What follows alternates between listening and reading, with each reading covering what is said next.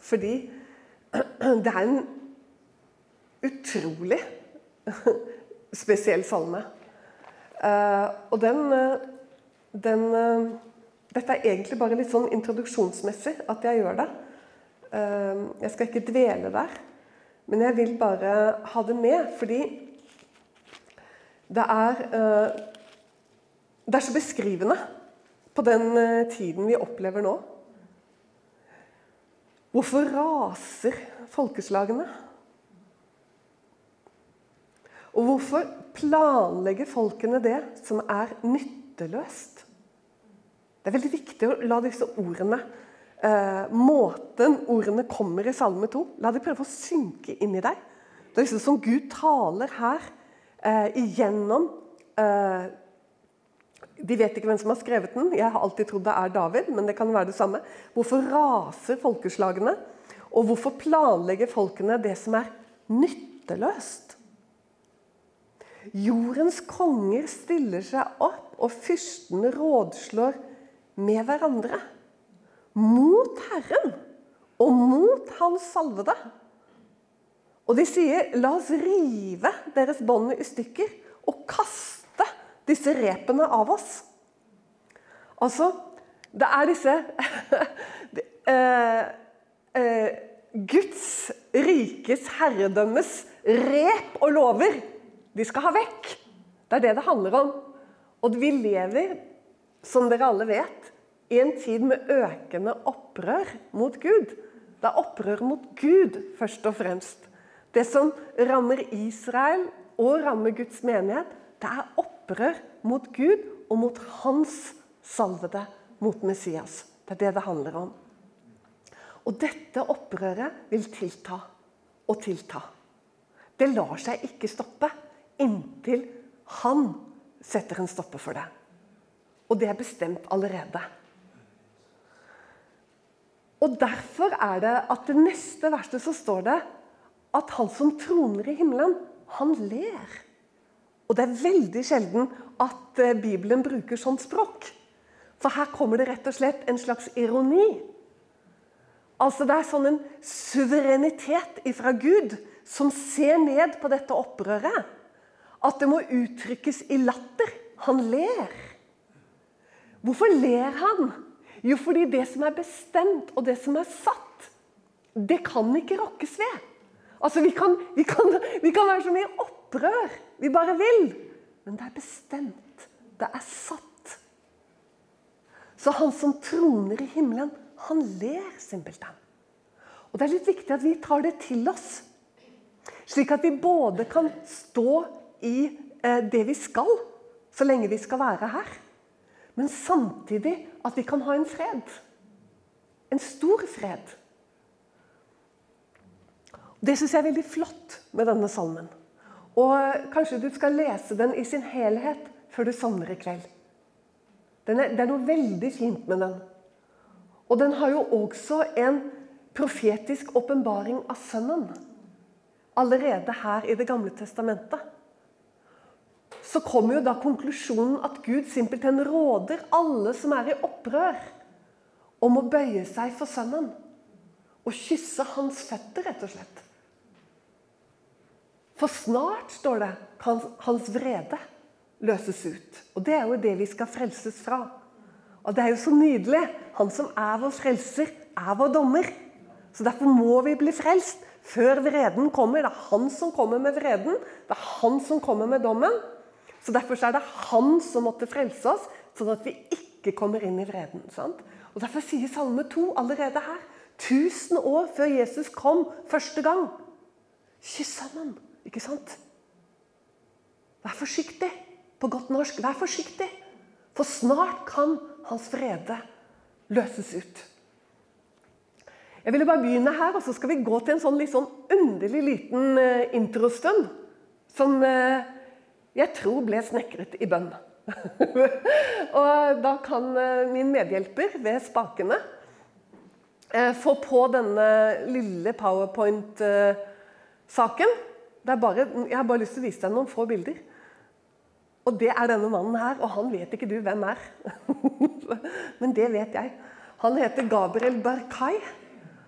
Og syns du han ser sliten ut? Ja, det syns jeg.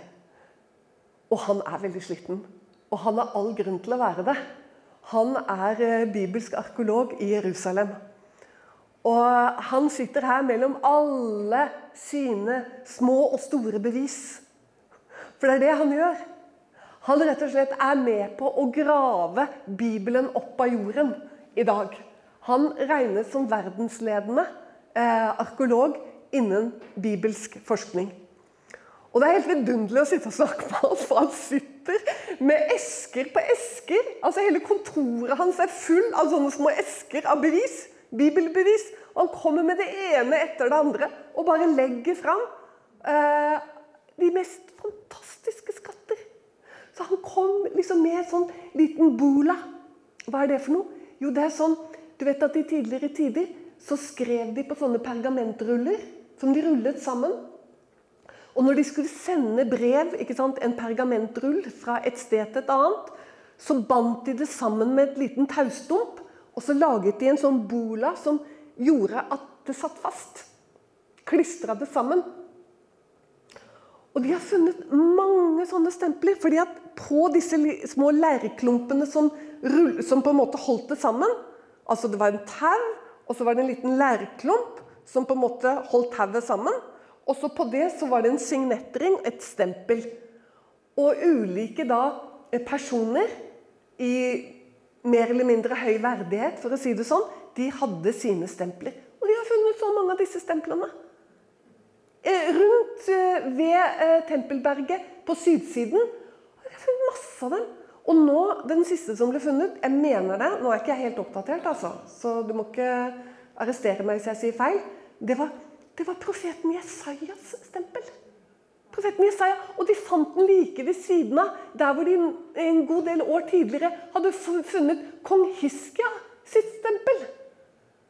Og, og, og, og han er en ungarsk jøde som kom til Jerusalem for mange mange år siden. Og han fortalte at pappaen hans hver eneste dag før han skulle på skolen, så ba faren den aronittiske velsignelsen over ham. Herren velsigne deg og bevare deg. ikke sant? Hver dag. Han vokste opp med dette. Og så var det han som fikk lov til å lede utgravningen i Hinnom Valley, oppi skråningen der. Hva var det de fant der? Så de holdt på å grave der, så plutselig bare brakk hele gulvet sammen. Og han eh, lille lærlingen han ramla igjennom. Og nedi der ramla han rett i en skatt av gullmynter og all slags greier. Men midt inni der så finner de en liten sak som etter at de klarer å rulle den ut, så finner de det eldste skriftstedet fra Bibelen som noen gang er funnet. Og det er De mener det var fra første tempelperiode. Fra tiden like før kong Salomos tempel ble ødelagt av babylonerne. Kan du tenke deg? Så har de rullet, Og vet du hva? Og det var han som ledet denne, denne utgravningen. Hva tror du det var når de rulla det ut? Det var den aronittiske velsignelsen som amulett. Som noen hadde båret som en amulett. Herren velsigne deg og bevare deg. Herren la sitt ansikt ikke sant? Han fikk lov til å finne den. Og jeg kunne nå fortsatt hele formiddagen med å bare gå gjennom arkeologi. Kanskje vi skal gjøre det en gang. Alle bevisene, legge fram hva som er funnet. For det er sånne enorme mengder. En annen del som denne mannen fikk lov til å lede, det var det som het A Sifting Project, sikteprosjektet. Hva var det for noe rart?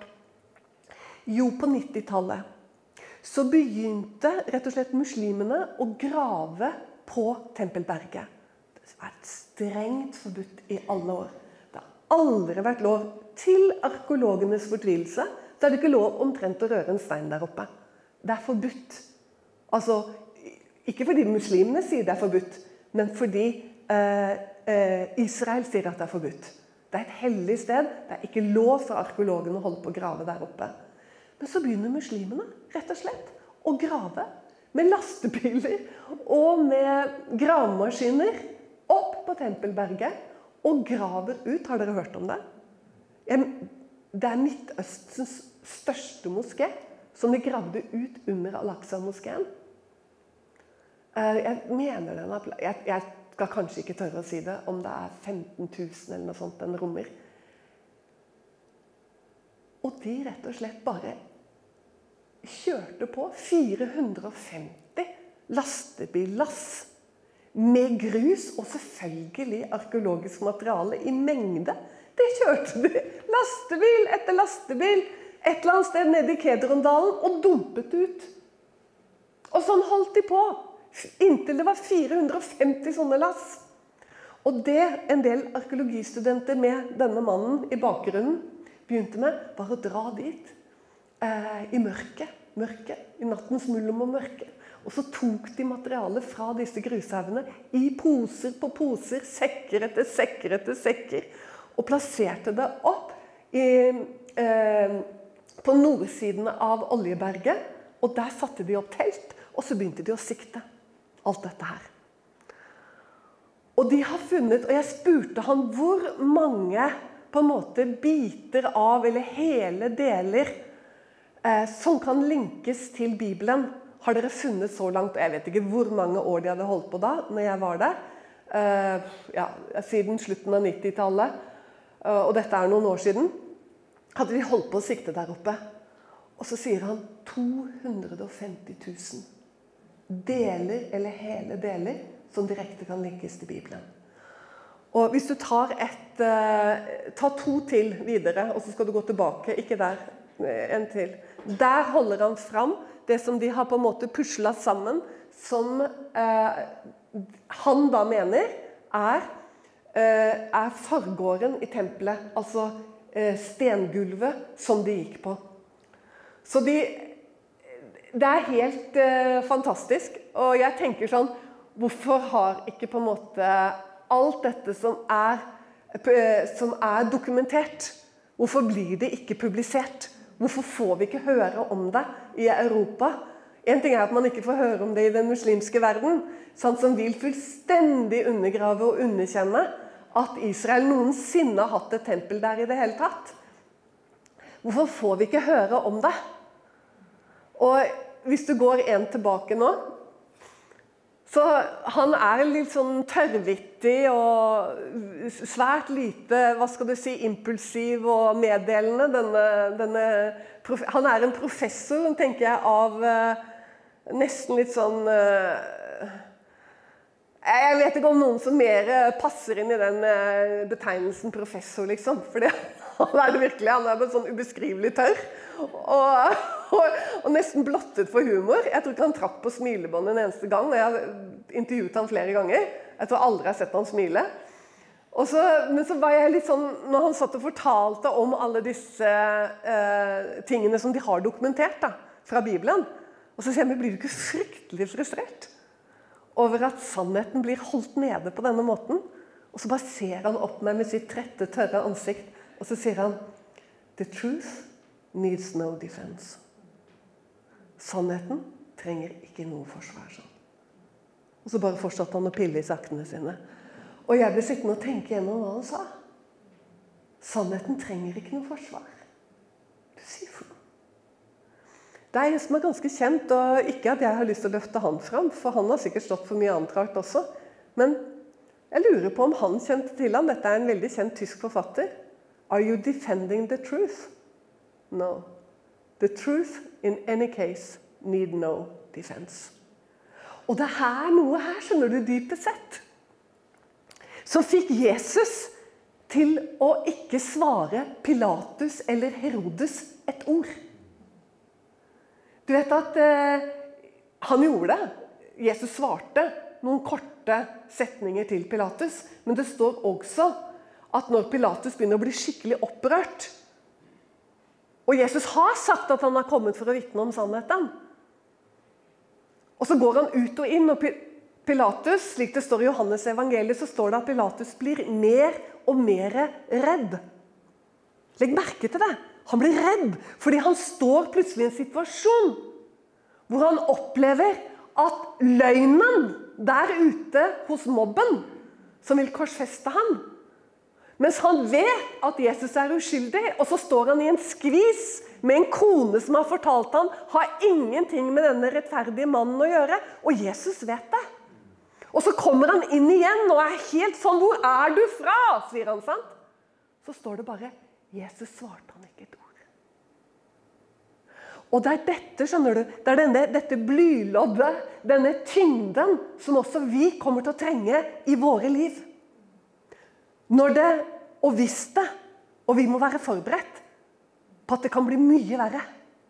Og da må vi ha et slags blylodd på innsiden av at du er rotfestet og grunnfestet i noe som er så urokkelig. Han er oppstanden. Det er dokumentert. Det er like, det er like fast som disse eskene Barkai sitter der inne, som egentlig burde vært lagt ut for hele verden å se og studere. Så står det stablet rundt på kontorer og lokaler og ganger og korridorer. For det er så mye av det. Men verden vil ikke ha det. Verden i stedet er i opprør i den tiden vi lever i. Folkene reiser seg, de løfter seg, de raser ikke sant? imot Herren og imot Hans salvede. Salme 127 er også en sånn Hva skal jeg si? En av mine yndlinger. Jeg har mange av dem. Jeg har nesten alle. Salme 107. Og den begynnelsen her, som også fedrelandssalmen vår, et av versene i fedrelandssalmen, men er nesten en avskrift av de to første versene av Salme 127. Og Der står det hvis ikke Herren bygger huset, arbeider bygningsmennene forgjeves. Hvis ikke Herren vokter byen, våker vaktmannen forgjeves. Da er det forgjeves at dere står tidlig opp og sitter oppe til sent og sliter hardt for å få deres brød å ete. Det samme gir han sin elskede i søvne. Det, det, det, er liksom bygget på dette her blyloddet av at Gud, han er. Og hvis vi ikke spiller på lag med han, så går det utover deg. Jesus sa, 'Jeg er ikke kommet for å dømme, jeg er kommet for å frelse'. Men de ord jeg taler, vil dømme dere på hin dag. Altså, det er dette blyloddet av sannhet. Han som er. Du kan ikke rokke han en millimeter. Og det er der vi må stå. Det er derfor også det faktisk står i Skriften 'stå ham imot' i forhold til Satan. Du behøver ikke å løpe, du behøver ikke å stresse. Du kan stå ham imot. For du står på noe som er urokkelig. Og det er det vi må ha i mellomgulvet i den tiden vi går inn i. Be Gud om å utruste deg for det som kommer. Du vet ikke hvor langt du skal være med før han bestemmer seg for å hente sin menighet. Og da må du ha den utrustningen som vi har i Kristus. La oss nå høre hvordan eh, Og da tenker jeg på, på vår lille filmsnutt som skal gå i 1 minutt og 40 sekunder. Sånn at du vet at dette skal ikke vare fryktelig lenge for deg som syns det ble både snålt og, og høyt og rart. Men, eh, men vi skal høre på det. Skal vi bare blåse det av? Det er umulig. Ja, vi blåser da. Eh, si ifra da, hvis dere får det til, så tilpasser jeg meg. da, dere, har jeg lyst til at vi skal gå til romerbrevet, til det 13. kapittelet. Og der skal vi lese fra 11. verset, bare et par vers der. Og dette må dere gjøre da dere kjenner tiden. Og nå er det på tide å våkne opp fra søvnen. For vår frelse er nærmere nå enn da vi kom til troen. Og så er det dette som er så fint. Natten er snart forbi.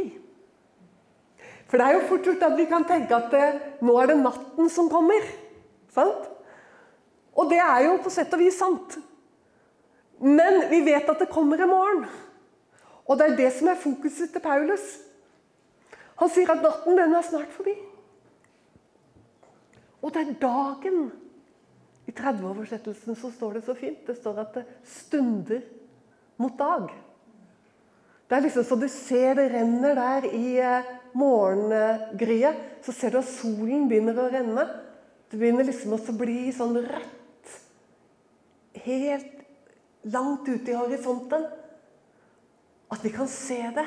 At dagen holder på å fødes. Det er dagen som fødes. Natten, ja, den må vi gjennom først. Men det vi vet at kommer, det er dagen. Og så sier han, ta derfor på dere lysets våpen. Og jeg tror det er det jeg har prøvd å si noe om fra jeg begynte å tale. Ta på dere lysets våpen. Jeg har lurt mange ganger på om ikke Paulus må, tidligere må ha vært soldat. For han bruker så mange sånne, soldatmetaforer. Om rustning flere steder, om våpen flere steder.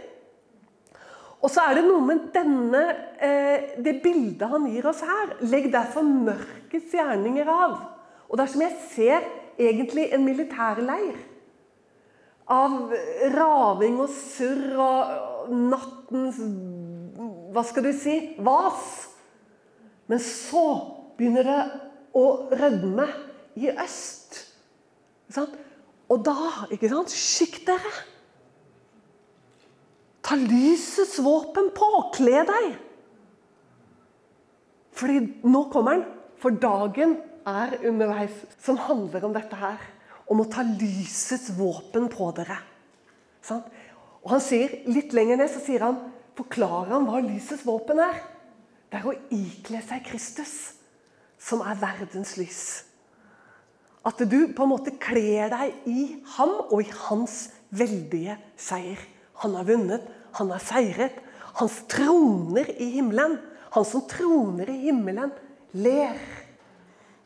Det er klart Vi blir ikke overmodige i dette, men det er nettopp fordi vi ikke er overmodige, at det er nødvendig å grunne på det og ta det til seg. Fordi frykten er en realitet og er et våpen som Satan bruker. Det er frykt. Og Det er derfor vi trenger på en måte å bygge hverandre og bygge oss selv opp i dette nå skal du si, blyloddet eller lysets våpen som du skal ha både på din venstre og på din høyre side. Eh, Derfra vil jeg bare gå tilbake litt til eh, Johannes og til det første kapittelet i evangeliet til Johannes. For der står det i det syvende verset Og da er det døperen Johannes som vitner om han.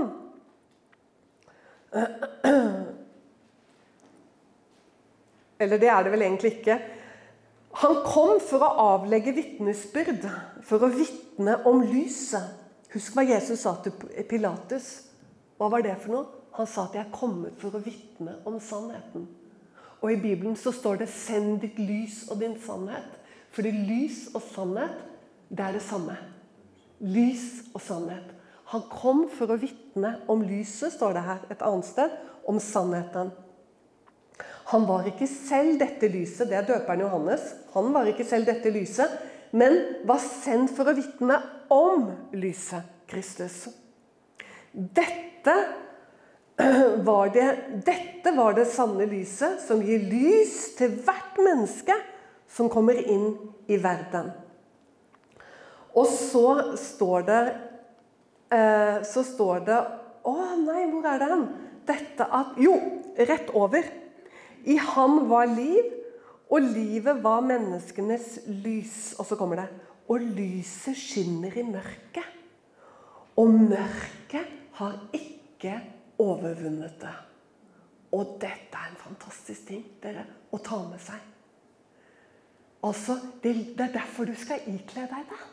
Så du går rundt ikledd lyset. Så mørket ikke under noen omstendighet kan overvinne.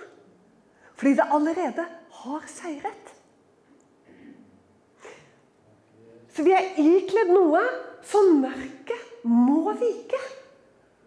Fordi du står ikke i ditt eget lys. Du står ikledd Han som er ditt våpen, som er lyset. Og mørket skal aldri kunne overvinne det. Men dog, Jesus sa, frykt ikke for ham. Eller frykt ikke for de som bare kan slå legemet i hjel. Og deretter ikke kan gjøre mer. Så du vet, vårt håp går igjennom døden. Vi har et anker som går innenfor forhenget og igjennom døden. Men det er jo det som er evangeliet og vår troskraft. Det er at det har seiret. Han har seiret over døden. I Det nye testamentet så vet jeg ikke om et bedre sted for å se dette lyset skinne igjennom de som trodde på ham. Om det var i Gamle testamentets tro eller i Nytestamentets tro. Det beste stedet i Bibelen på å se dette lyset skinne, utenom Jesus selv, men for nå snakker jeg om etterfølgerne hans, både i GT og NT, det er Hebreerbrevet 11. For der ser du standarden av hva han er i stand til, Hans nåde er i stand til å gjøre i våre liv. Hebreerne 11 er standarden på, den, på hva Hans nåde er i stand til å gjøre i våre liv. En gang til. Hebreerbrevet 11 og det som står der, er standarden på hva Guds nåde er i stand til å gjøre i våre liv. Og det er veldig.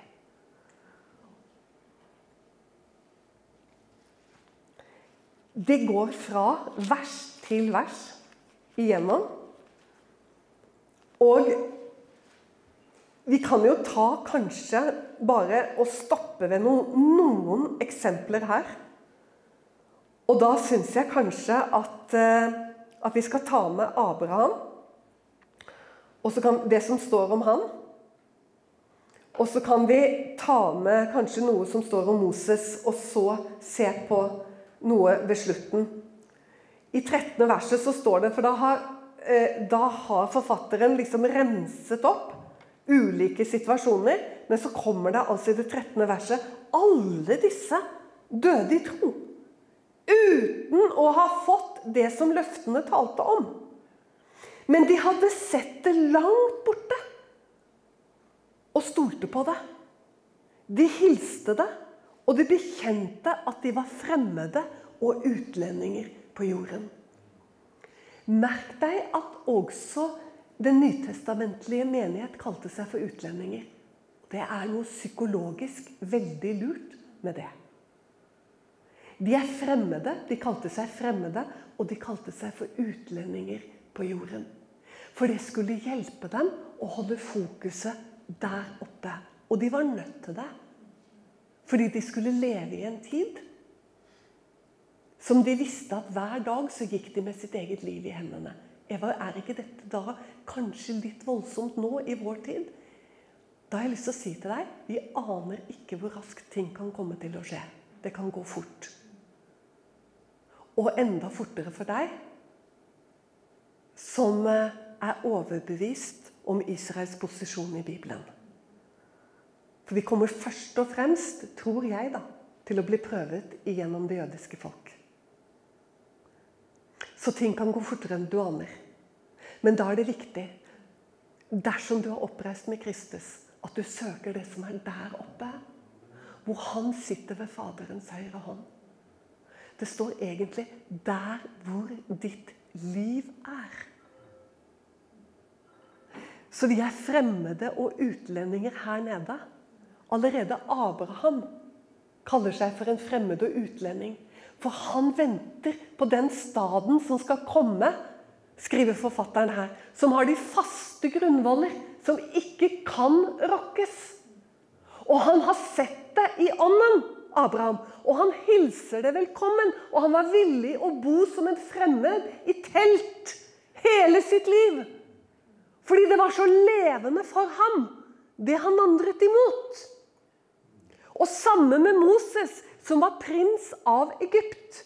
Prins. Eide alt.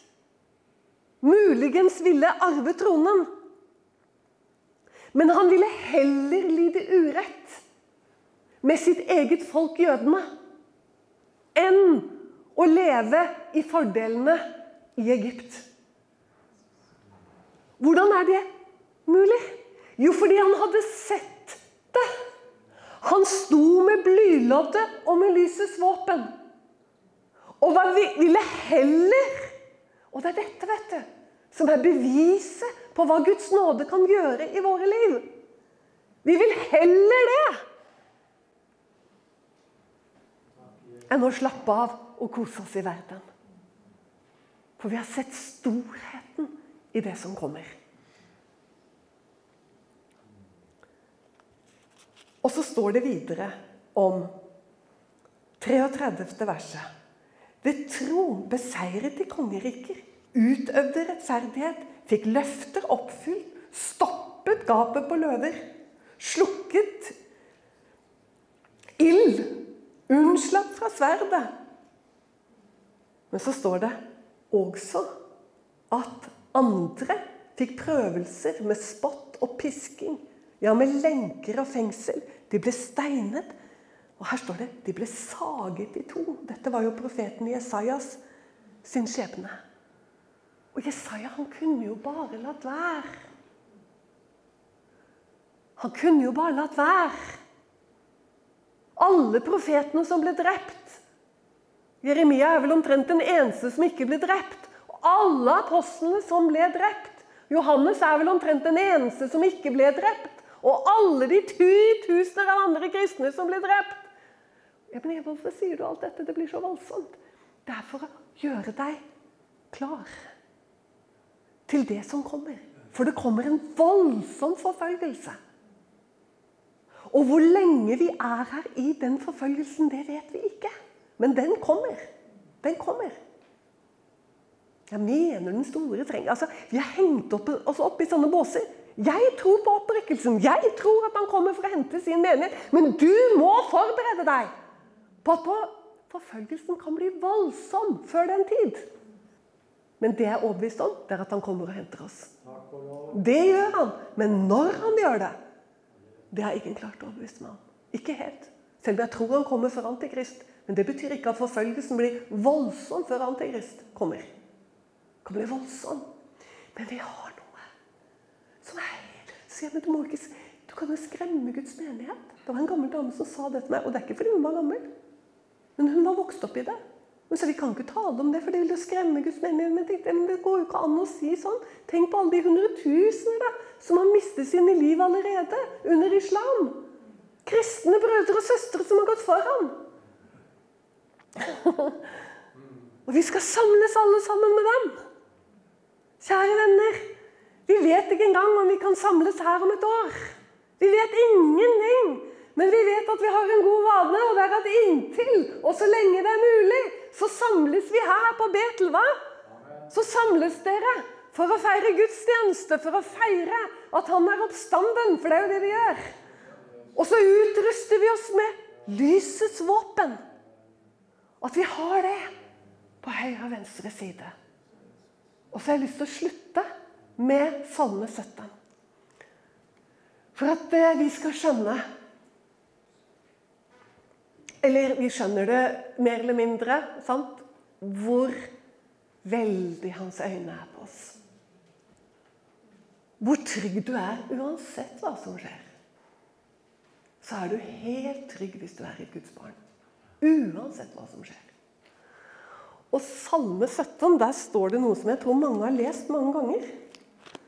Og det, og det er, eh, det er eh, den godeste David, som er skikkelig fortvila fordi eh, han er så forfulgt, og de er ute etter å drepe ham. Og så roper han Det er liksom så du kan høre han.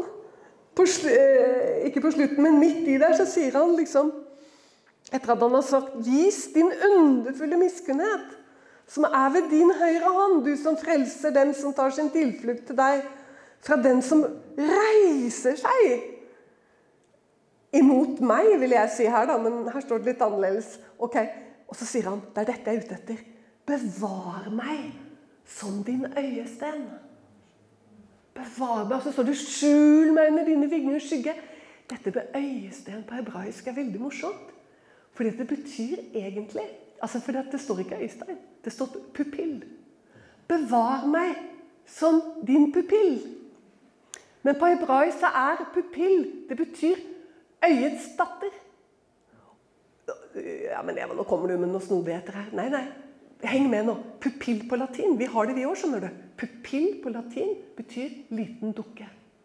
Hæ? Hva har dette med David å gjøre? Liten dukke, ja. Pupill er latinsk og betyr Dette glemmer du ikke. Liten dukke. Hvorfor det, da? Samme er det på hebraisk. Hvorfor det? Jo, fordi at hvis jeg går og ser dypt inn i øynene på Frank i godt lys, så ser jeg en liten dukke av meg selv. Og det er det det betyr. Det som David sier her. Bevar meg som den Altså pupill og på en måte den lille dukken er det samme. Så det han, det han sier Han forteller om hvor sterkt fokus han ber Gud ha på ham. Skjønner du? Sånn at Gud hele tiden ser han i pupillen. Du vet at Hvis du gjør det med Frank etterpå, så ser du deg selv i hans pupill.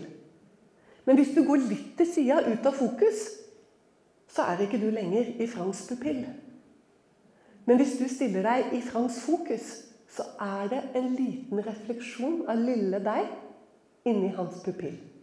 Forstår du? Forstår dere? Det er det David ber om. Bevar meg som din dukke, lille dukke. At jeg, at jeg er der alltid i ditt fokus. Er det ikke nydelig? At jeg er i pupillen din, Gud. Bevar meg i din pupill. Det klarer du å huske. Bevar meg i din pupill. Nydelig. Da må Gud hele tiden ha deg i sitt fokus. Og det er det han har. For han kan holde hver og en av oss som sin lille dukke i sin pupill. Amen. Det er fantastisk. Jeg elsker det. Jeg vet ikke om du så det helt, men jeg syns det er helt nydelig. Pupill. Du skal være i hans pupill hele tiden, og du har ingenting å frykte. Det står jo også at de som rører ved hans pupill står det i Zakaria, profeten Zakaria. Sant? Det er nesten som en trussel mot fienden. For vi vet at er det noen som virkelig er der som en refleksjon i hans pupiller, så er det hans folk, Israel. Så det er virkelig skummelt å begynne å rote i pupillen til Gud. Men vi har kommet inn i det samme, så vi er også der i hans pupill. Amen. Egentlig litt fint også, Nå kommer jeg til å tenke på sånn, du vet, orkaner. De ser ut som et øyeeple hvis du ser dem fra rommet. Og så har de en sånn pupill i midten. Vi kaller det for stormens øye. Orkanens øye. Og der er det helt bom stille. Tenk om vi kunne tenke at vi, kan, at vi er i Guds pupill. Der er det helt rolig. Og så kan det være veldig storm rundt. Men så kan du være der i den pupillen. I Jesu Kristi navn. Amen. Herre, jeg takker deg. La oss reise oss opp litt. Takker deg, Herre. For at vi er din lille dukke i din pupill. Takk for det, Herre. Det skal ikke gjøre oss selvsentrerte eller selvopptatte. Tvert imot, Herre. For da kan vi hvile. For vi vet at du har fokus på oss, Herre. Takk, Jesus, at du vil gjøre oss sterke i deg. Ikke i oss selv, men i deg. Fordi vi vet, Herre, at du har seiret. Vi vet, Herre, at det er overvunnet alt sammen. Ja, han som troner i himmelen, han ler. Over de fåfengte opprøret som menneskene holder.